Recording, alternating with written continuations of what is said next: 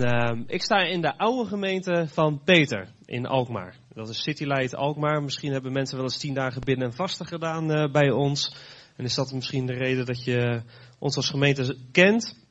Uh, mijn naam is Pieter Jan van der Wolf en ik sta nu vier jaar in Alkmaar. En ehm, ik heb een vrouw, twee lieve kinderen, die heb ik vandaag thuis gelaten. Ze vonden het iets te ver rijden uit Alkmaar.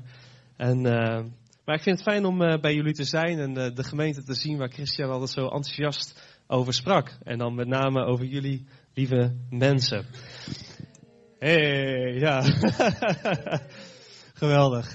ik heb vandaag een boodschap met u. En het is best wel een serieuze boodschap. Maar ik weet dat het een boodschap is waar iedereen hier vroeg of laat mee te maken gaat krijgen. Ik heb deze boodschap denk ik ongeveer twaalf jaar geleden voor het eerst gehoord uh, onder Jan Sjoerd. En ik had niet kunnen bevroeden dat, uh, Jan Sjoerd Bastekamp was dat, ik had niet kunnen bevroeden dat ik er later zelf nog zoveel aan zou hebben. En dat je echt op een gegeven moment door een boodschap heen kan gaan. Ik wil graag met u een uh, gedeelte lezen. Ik heb de titel gegeven aan de preek, Word verlost van de wortel van bitterheid.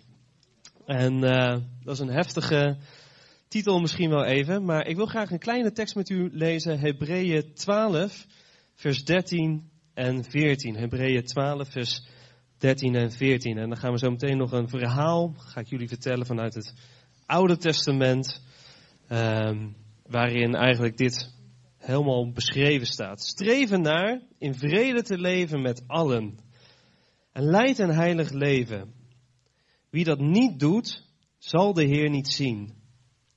Zorg ervoor dat niemand zich de genade van God laat ontgaan dat er geen giftige kiem opschiet die onrust veroorzaakt en met zijn bitterheid velen besmet. En dan met name dat laatste gedeelte, dat er geen giftige kiem opschiet die onrust veroorzaakt en met zijn bitterheid velen besmet. Ik, uh, mijn vrouw en ik hebben drie jaar lang in Engeland ge gewoond. Daar hebben we een bijbelschool uh, uh, gedaan. En uh, op zo'n bijbelschool, studenten, hè, altijd zonder geld. Dus je zocht altijd naar bijbaantjes. En ik was vroeger hovenier. Uh, als studentenbaantje had ik een uh, hovenierbaantje bij een hovenier. En op een gegeven moment hadden we, kreeg ik een uitnodiging van een Engelse persoon, niet christen, woonde buiten de bijbelschool. Die zei, joh, ik heb een landhuis en ik heb daar een prachtig metalen hek daaromheen. En zou jij dat hek willen ja, schuren en verven en doen? Dan kan je wat bijverdienen. Nou, helemaal prima. Hè? Dus ik op een dag daar naartoe en uh, kijken. En, nou, schitterend hek. Het was inderdaad een prachtig mooi metalen zwarte hek. met van die gouden puntjes erop. En ging helemaal om dat huis heen. Nou, prijsafspraak gemaakt. Uh, een beetje overleg gedaan van nou, uurtarief of aanneemprijs. Toen op een gegeven moment kwam ik die week later, kwam ik daar met al mijn verfspulletjes.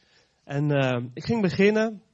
En op een gegeven moment zat ik met een schroevendraaier toch eens even aan dat verf te, ja, een beetje te, te prikken wat gebeurde er nou? Op sommige plekken prikte ik gewoon dwars door de verf heen en zat er gewoon allemaal ja, een holte achter. Het hek was verroest, maar het was zo gek dat de verflaag, die stond nog precies in de vorm van het hek, maar aan de binnenkant van het hek had roest had op sommige plekken ja, het hek weggegeten. Ik weet niet of u wel eens met metaal heeft gewerkt, maar dan begrijpt u misschien wel wat ik bedoel. Dat die verflaaf, die kon nog precies in het vorm van het hek, stond het daar prachtig. Alleen de roest aan de binnenkant had alles opgegeten. Nou, dan begin je aan het hek en dan sta je eigenlijk voor een keuze. Want ik had de makkelijke weg kunnen gaan en denken van, nou weet je wat het is? Ik ga gewoon even met een schuurpapiertje even vluchtig over dat verflaagje heen, zonder dat het kapot gaat. Pak mijn kwastje en ik ga er netjes overheen verven. Niks aan het handje, geld vangen, prima. Maar ja, had ik daarmee mijn werk dan grondig gedaan? Nee. De sleutel om dat hek goed te repareren was die verflaag eraf te halen, naar dat roestprobleem te gaan, dat roest weg te halen en dan opnieuw in de mening te zetten en te verven. Ik moest naar de kern van het probleem toe, namelijk die roestplek. Want anders zou die roest onder die verflaag dat hele hek opeten. En dan ja, zou het geen lange termijn investering zijn. Nou, in zekere zin gaan we vandaag een verhaal, ga ik u vertellen, uit uh, het Oude Testament over Absalom.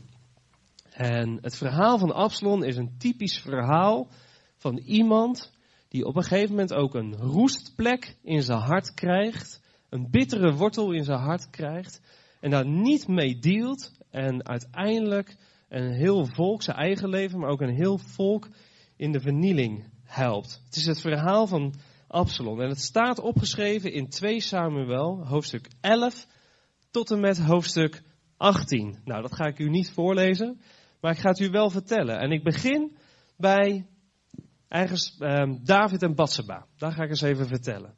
David op een dag, hè, het leger is uh, oorlog aan het voeren en dan staat uh, David is thuisgebleven, die staat op zijn balkon te kijken. En dan bij de avondgloren en dan ziet hij op een gegeven moment een vrouw zichzelf baden. En hij wordt verliefd op die vrouw. Of hij ziet in ieder geval een, een begerenswaardige vrouw en hij laat haar naar, haar naar zijn paleis halen. En wat doet hij dan? Hij gaat met haar slapen. En wat gebeurt er? De vrouw wordt zwanger. Batsaba wordt zwanger. Groot probleem. En in plaats van dat David denkt, ik deal met de zonde, ik ga er uh, actie op ondernemen, um, probeert hij het te verbergen. Hij laat Uria van het slagveld komen, de man van Bathsheba. En hij zegt, uh, nou ga maar lekker naar je vrouw toe. Hè, en dan hoopt hij eigenlijk dat ze uh, seks met elkaar zullen hebben, zodat het niet lijkt dat het alsof David het heeft gedaan. Maar Uria, die gaat niet met naar zijn vrouw toe. Die blijft op het paleis. Hij zegt, hoe kan ik nou bij mijn vrouw gaan slapen terwijl mijn land in oorlog is? En dan gaat vervolgens David verder om zijn zonde te verbergen. Hij laat uiteindelijk Uria um, op het slagveld zo opgesteld worden dat hij er zeker van weet dat hij uh, doodgaat, dat hij moet sterven. Dan twee jaar later lezen we een verhaal over de zonen van David, namelijk Amnon en uh, Absalom. Op een gegeven moment lezen we dat Amnon, dat is de halfbroer van Absalom, die wordt verliefd op de zus van Amnon. Dus heeft hij het helder? David de vader, die heeft twee kinderen, Absalom en Tamar. Dat zijn broer en zus. Maar die hebben ook nog een ja, halfbroer, namelijk Amnon. En Amnon wordt verliefd op de zus van Absalom. En hij vindt haar zo aantrekkelijk. En het staat zelfs zo dat hij zegt: Ik word bijna ziek van begerenswaardigheid. En dan op een gegeven moment is er een vriend van hem die zegt: Joh, weet je wat jij moet doen? Als jij nou gewoon net in je huis doet alsof je ziek bent. En dan ga je aan je vader David vragen. Dan ga je vragen: Joh, kan mijn zus me niet helpen in mijn huishouden? Om, nou ja, mij te verzorgen, eten te geven en dergelijke. Nou, dat doet hij. Hij doet net of hij ziek is. Vader David komt en, die, en dan zegt hij tegen David: Joh, kan mijn zus Tamar maar echt niet helpen? Me verzorgen? Ja hoor, denkt David, dat kan wel. Dus Tamar die wordt naar het huishouden gestuurd. En dan ligt uh, Amnon daar op dat bed, ziek te zijn. En dan op een gegeven moment het verhaal eindigt. Hij vergrijpt zich aan zijn zus. Hij verkracht haar op dat, uh, in het huishouden. En uh, het gekke is dat de Bijbel dan zegt en hij haatte haar meer dan de liefde waarmee hij haar had liefgehad. En hij verstoot die halfzus, zet haar uit het huis. En die zus die nog maagd was in kleurrijke kleren leefde, verscheurt haar kleren. En wat gebeurt er dan? Dan is het Absalom die zegt tegen zijn zus, zus, kom jij maar bij mij in huis wonen. Absalom kennen wij allemaal als een persoon die fout eindigt, maar als je dit verhaal leest, dan denk ik, wauw Absalom, wat ben jij een gouden kerel. Twee jaar lang mag zijn zus in zijn huishouden wonen. En dan staat daar dat hij ziet zijn zus dat ze eenzaam is. Eenzaam. Dus moet je voorstellen, broer heeft een zus en die komt elke dag thuis en ziet daar een zus die kapot is gemaakt door een verkrachtingszaak, eenzaam is. En daar is Absalom. En hij is geconfronteerd met een stuk onrecht. En hij kijkt naar zijn vader, vader David. Want vader David was niet alleen vader, maar hij was ook koning. En wat houdt het in dat David koning was? Het betekende dat David recht moest spreken in deze situatie. Maar wat zegt de Bijbel dan? David wordt alleen maar een beetje boos. Maar de enige straf die rechtvaardig was op dat moment voor Amnon in het Oude Testament was de, de doodstraf.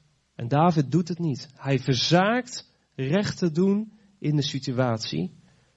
En Ammon mag door blijven leven. En Absalom ziet twee jaar lang, ziet hij het onrecht dat is aangedaan aan zijn zus.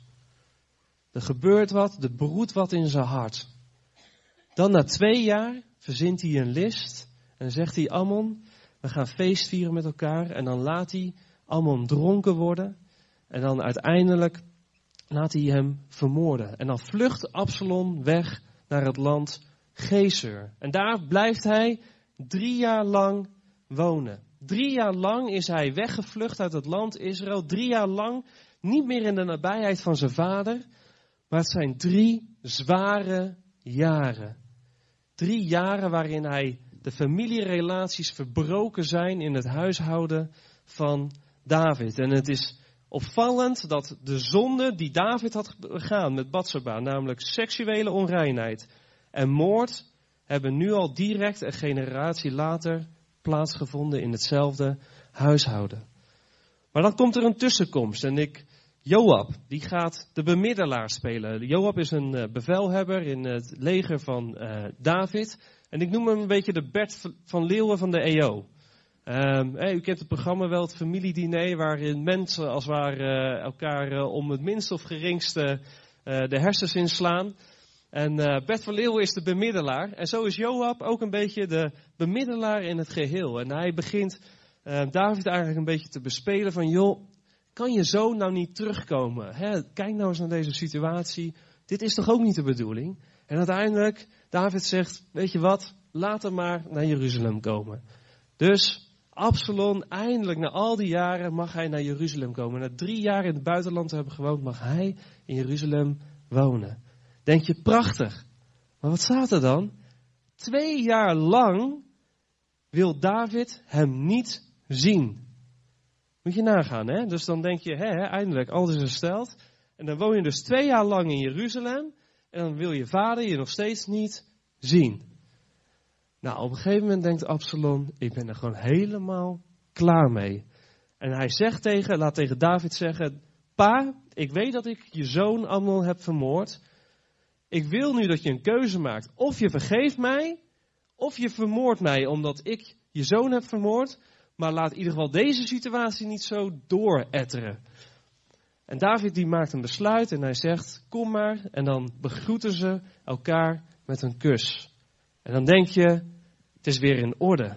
Prachtig. Het is weer helemaal voor elkaar. Maar helaas, en dat stukje ga ik wel even lezen. Dat is in 2 Samuel 15 vanaf vers 2. Absalom, die, uh, dus alles is weer voor het oog hersteld. Aan de buitenkant lijkt het in orde, hè, zoals dat hek. Het verfje is er netjes opgedaan. Maar het roestplekje in het hart van Absalom zit er nog. En dat zien we in het volgende gedeelte. Ook stond Absalom s'morgens vroeg op en ging aan de kant van de weg naar de poort staan. Het gebeurde dat Absalom elke man die een geschil had om mee naar de koning te gaan voor recht, bij zich riep en zei, hey, uit welke stad komt u?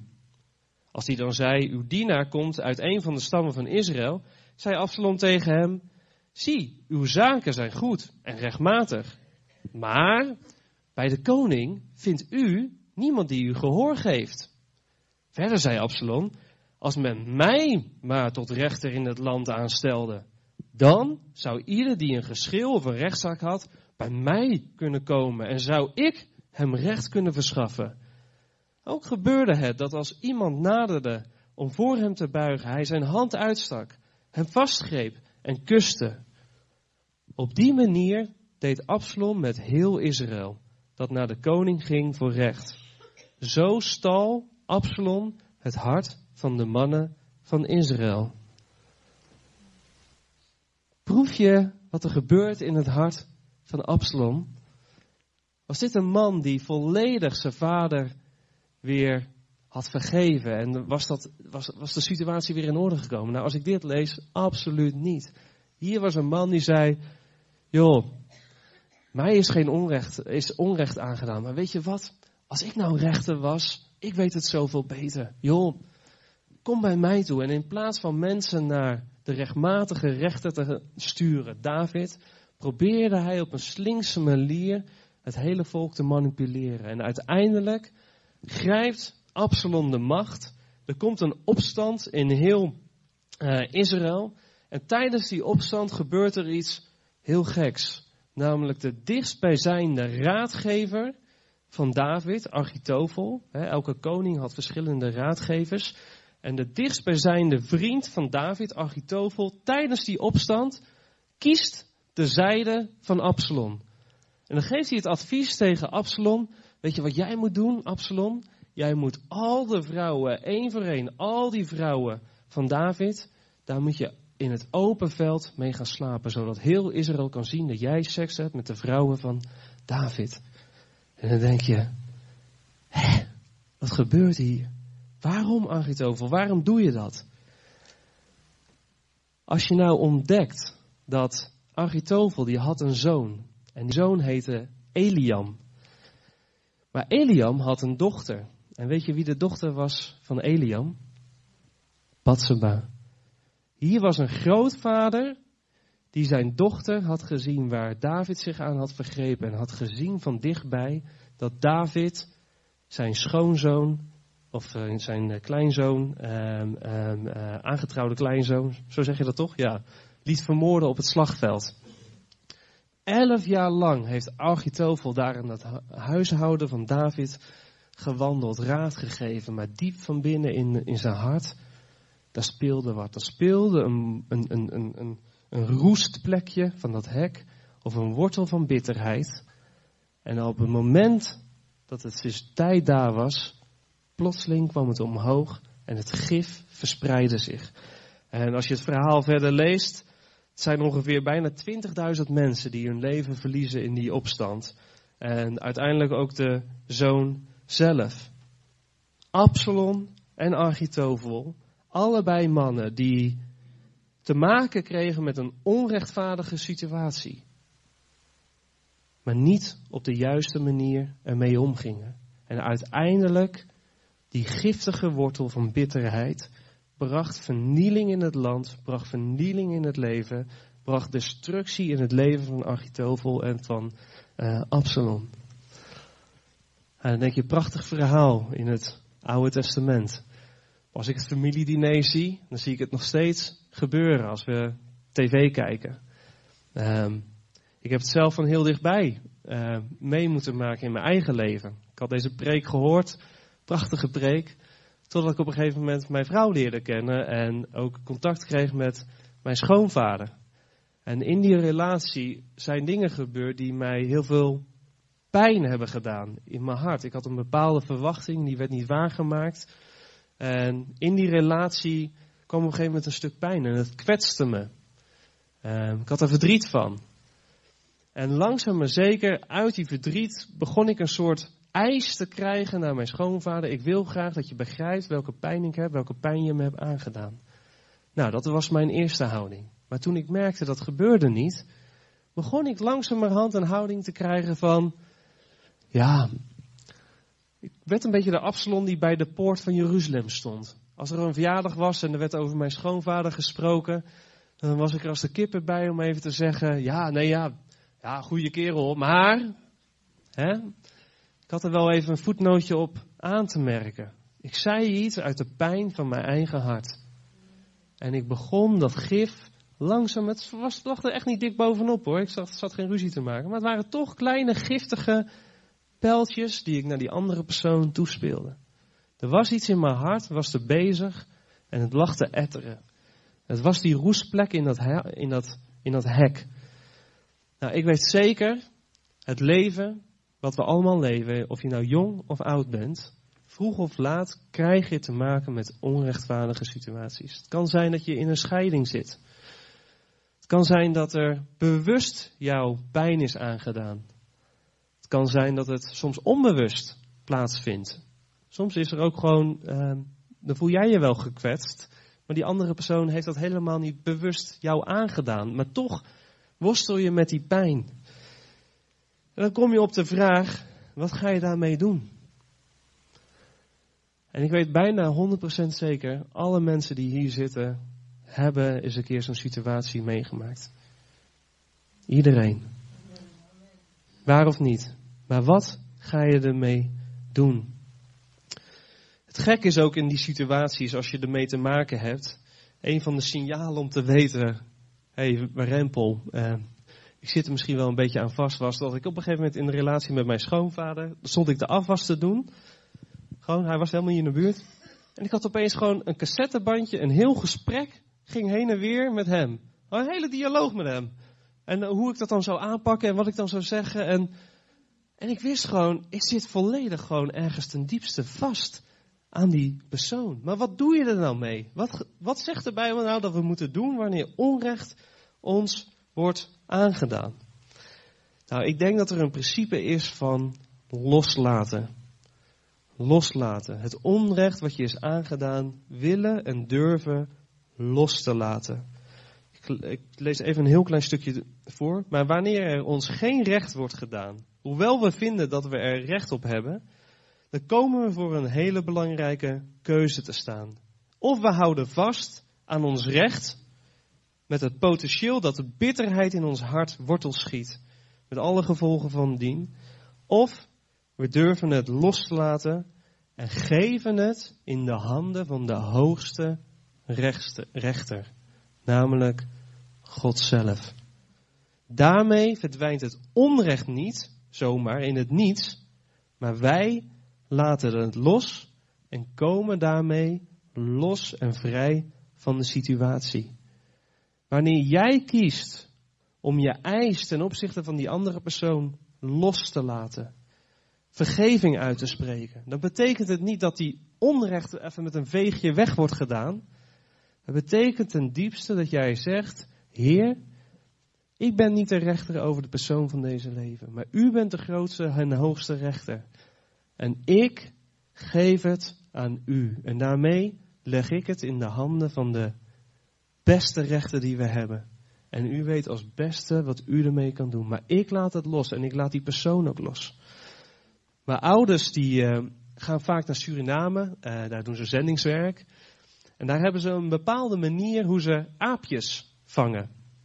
Um, en dat doen ze met een kokosnoot. En die snijden ze zo open dat het en dan leggen ze er wat lekkers in. En dan snijden ze zo open dat het handje van de aap er precies in kan.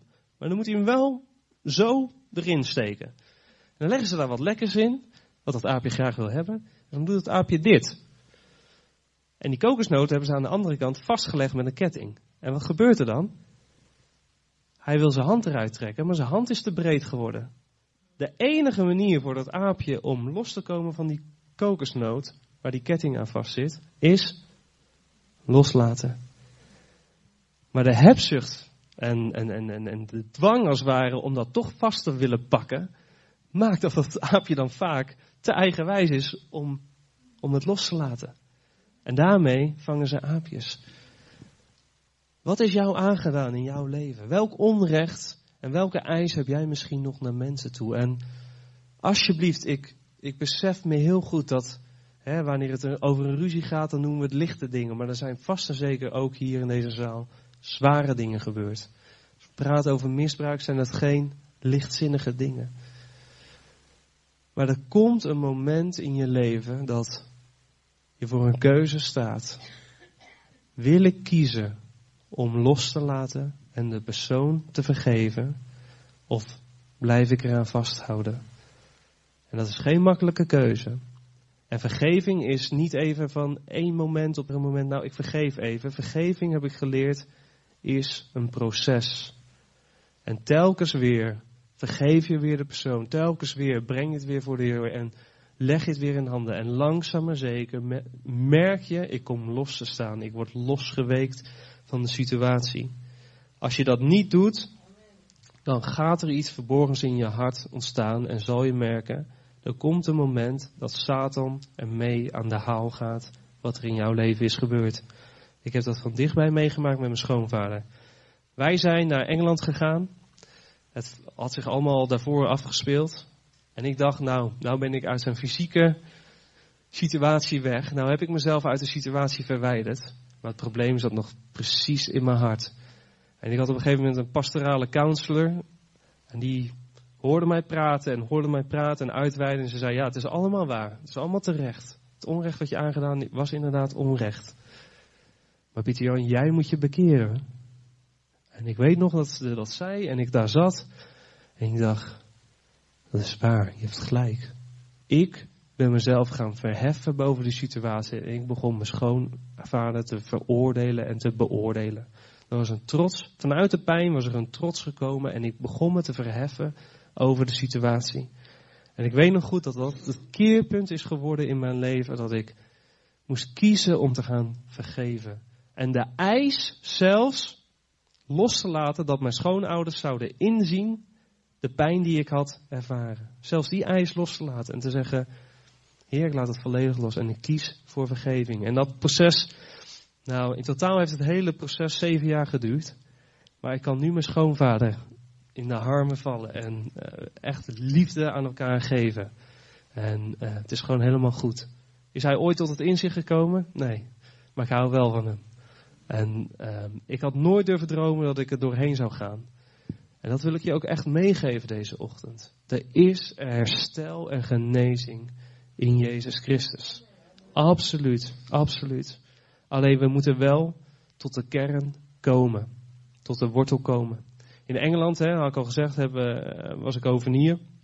En daar hadden ze op een gegeven moment in de Victoriaanse tijd, dachten ze, hé, hey, laten we een leuk plantje uit Japan meenemen naar Engeland. Nou, ze hebben geweten wat ze hebben gedaan. Het was het ergste onkruid wat ze konden verzinnen. Het was een plantje wat uh, heel hoog groeit met een mooie bloem erop. Jap eh, Japanese knockweed uh, noemen ze het. Maar het gaat ook met dezelfde hoogte gaat het naar beneden, de grond in. En inmiddels ligt er een absoluut vervoersverbod op dat, dat spul. Dus als jij het aan het onkruid wieden bent, dan moet je ter plekke verbranden. Maar om echt definitief af te rekenen met dat, ja, met, die, met dat onkruid moet je een injectienaaltje pakken en dan moet je gif in de wortel spuiten. Dat is de enige manier om er van af te komen. En ik zeg wel eens, de echte antidosis voor de giftige wortel in jou en mijn hart is er uiteindelijk de vergeving uit te spreken naar die persoon die um, jou vasthoudt. En mijn grote voorbeeld daarin is Jezus Christus zelf. Als we Jezus kijken in 1 Petrus 2, vers 21 tot en met 24, dan staat er het volgende. Want hiertoe bent u geroepen, omdat ook Christus voor ons geleden heeft. Hij laat ons zo een voorbeeld na, opdat u zijn voetsporen zou navolgen. Hij, die geen zonde gedaan heeft en in wiens mond geen bedrog gevonden is die toen hij uitgescholden werd, niet terugschold. En toen hij leed, niet dreigde, maar het overgaf aan hem die rechtvaardig oordeelt.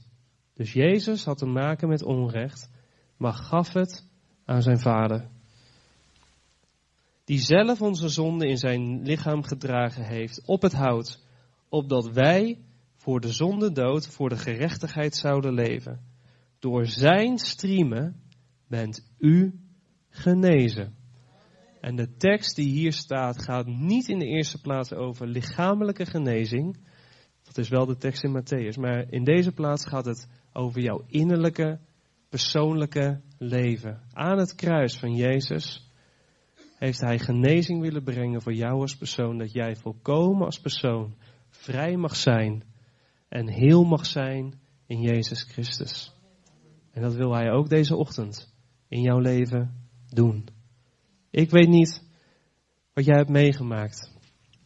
Zullen vast erge dingen zijn gebeurd. Maar wat ik wel weet is dat Jezus verlangt ernaar om ons vrij te maken. We zongen het in de aanbidding, noemde je het. God die wil ook bediening doen aan ons hart. En hij wil zo graag dat je vrijkomt van al deze situaties die in je leven hebben plaatsgevonden. Maar het begint bij te erkennen misschien wel en verantwoordelijkheid te nemen van ik moet iets doen. Ik kan niet meer verwachten dat de ander iets doet, maar ik, om vrij te komen, moet ik de eerste stap gaan nemen. Ik moet verantwoordelijkheid nemen voor deze situatie en misschien wel erkennen, ik ben trots geworden, ik ben gaan oordelen over de andere persoon. En ik moet ervoor kiezen om vergeving uit te spreken. En wanneer je vergeving gaat uitspreken, dan gaat er een proces van herstel en genezing in je leven plaatsvinden. En wie weet wat er nog in je leven kan gaan plaatsvinden. Je wil een mooie titel, Leef. Je gaat pas echt leven wanneer je loskomt van dit soort situaties. Als je het niet doet, zal je altijd merken dat er ergens ruis blijft in je leven. En je geestelijk leven komt ook stil te staan uiteindelijk. Oké, nou dat was hem. um, ik zou graag uh, wel gelegenheid willen geven om, uh, om te bidden. En uh, laten we even het volgende voorstellen dat we misschien inderdaad wat muziek kunnen hebben. Ik begrijp ook dat er een gebedsteam is.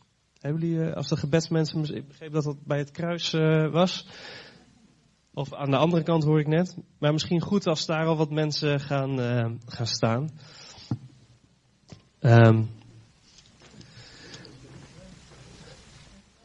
maar het lijkt me goed om, uh, om gewoon even een, moment te creëren waarin jij, als je hier met deze situatie worstelt, of als je zegt van hé, hey, hier moet ik wat mee. En misschien is jouw gebed wel, weet je, ik, ik kan nog niet vergeten, ik ben nog niet op die plek, maar wil je met me bidden dat ik op die plek mag komen, dat ik inderdaad mag gaan kiezen om te gaan vergeven. Laten we samen naar Jezus gaan. Weet je, Hij wil je kracht geven. Hij wil je herstel geven. En uh, ik zou gewoon een algemeen gebed bidden en dan zou ik je gewoon willen uitnodigen. Kom naar voren, er staan mensen